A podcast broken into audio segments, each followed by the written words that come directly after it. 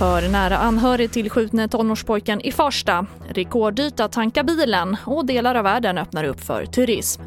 Ja, TV4-nyheterna börjar i Farsta strand i Stockholm där en man i 40-årsåldern sköts till döds och en pojke i 16-årsåldern skadades svårt igår kväll. Enligt uppgifter till Expressen utreder polisen om minst en av personerna sköts av misstag. Idag var TV4-nyheterna på plats och pratade med en nära anhörig till 16-åringen. De sa bara att, eh, att han hade tur annars han skulle dö. Men det gick bra.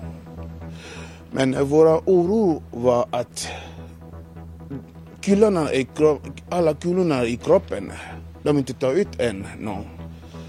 Om han, därför pappa undrar om han kommer överleva för att man har kulorna i kroppen. Men läkaren sa att han kommer göra det.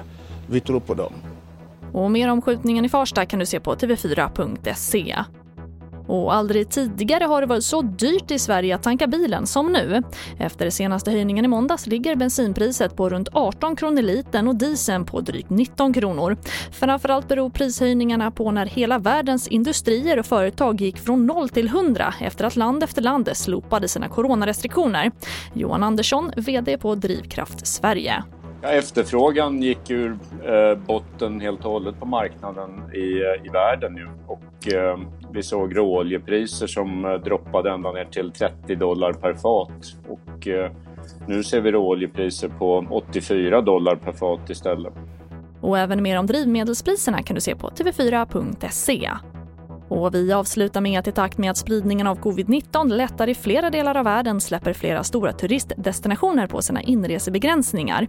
Imorgon gör Bali i Indonesien flera lättnader för att turister ska kunna komma dit. Och även i Malaysia och Thailand är det på gång.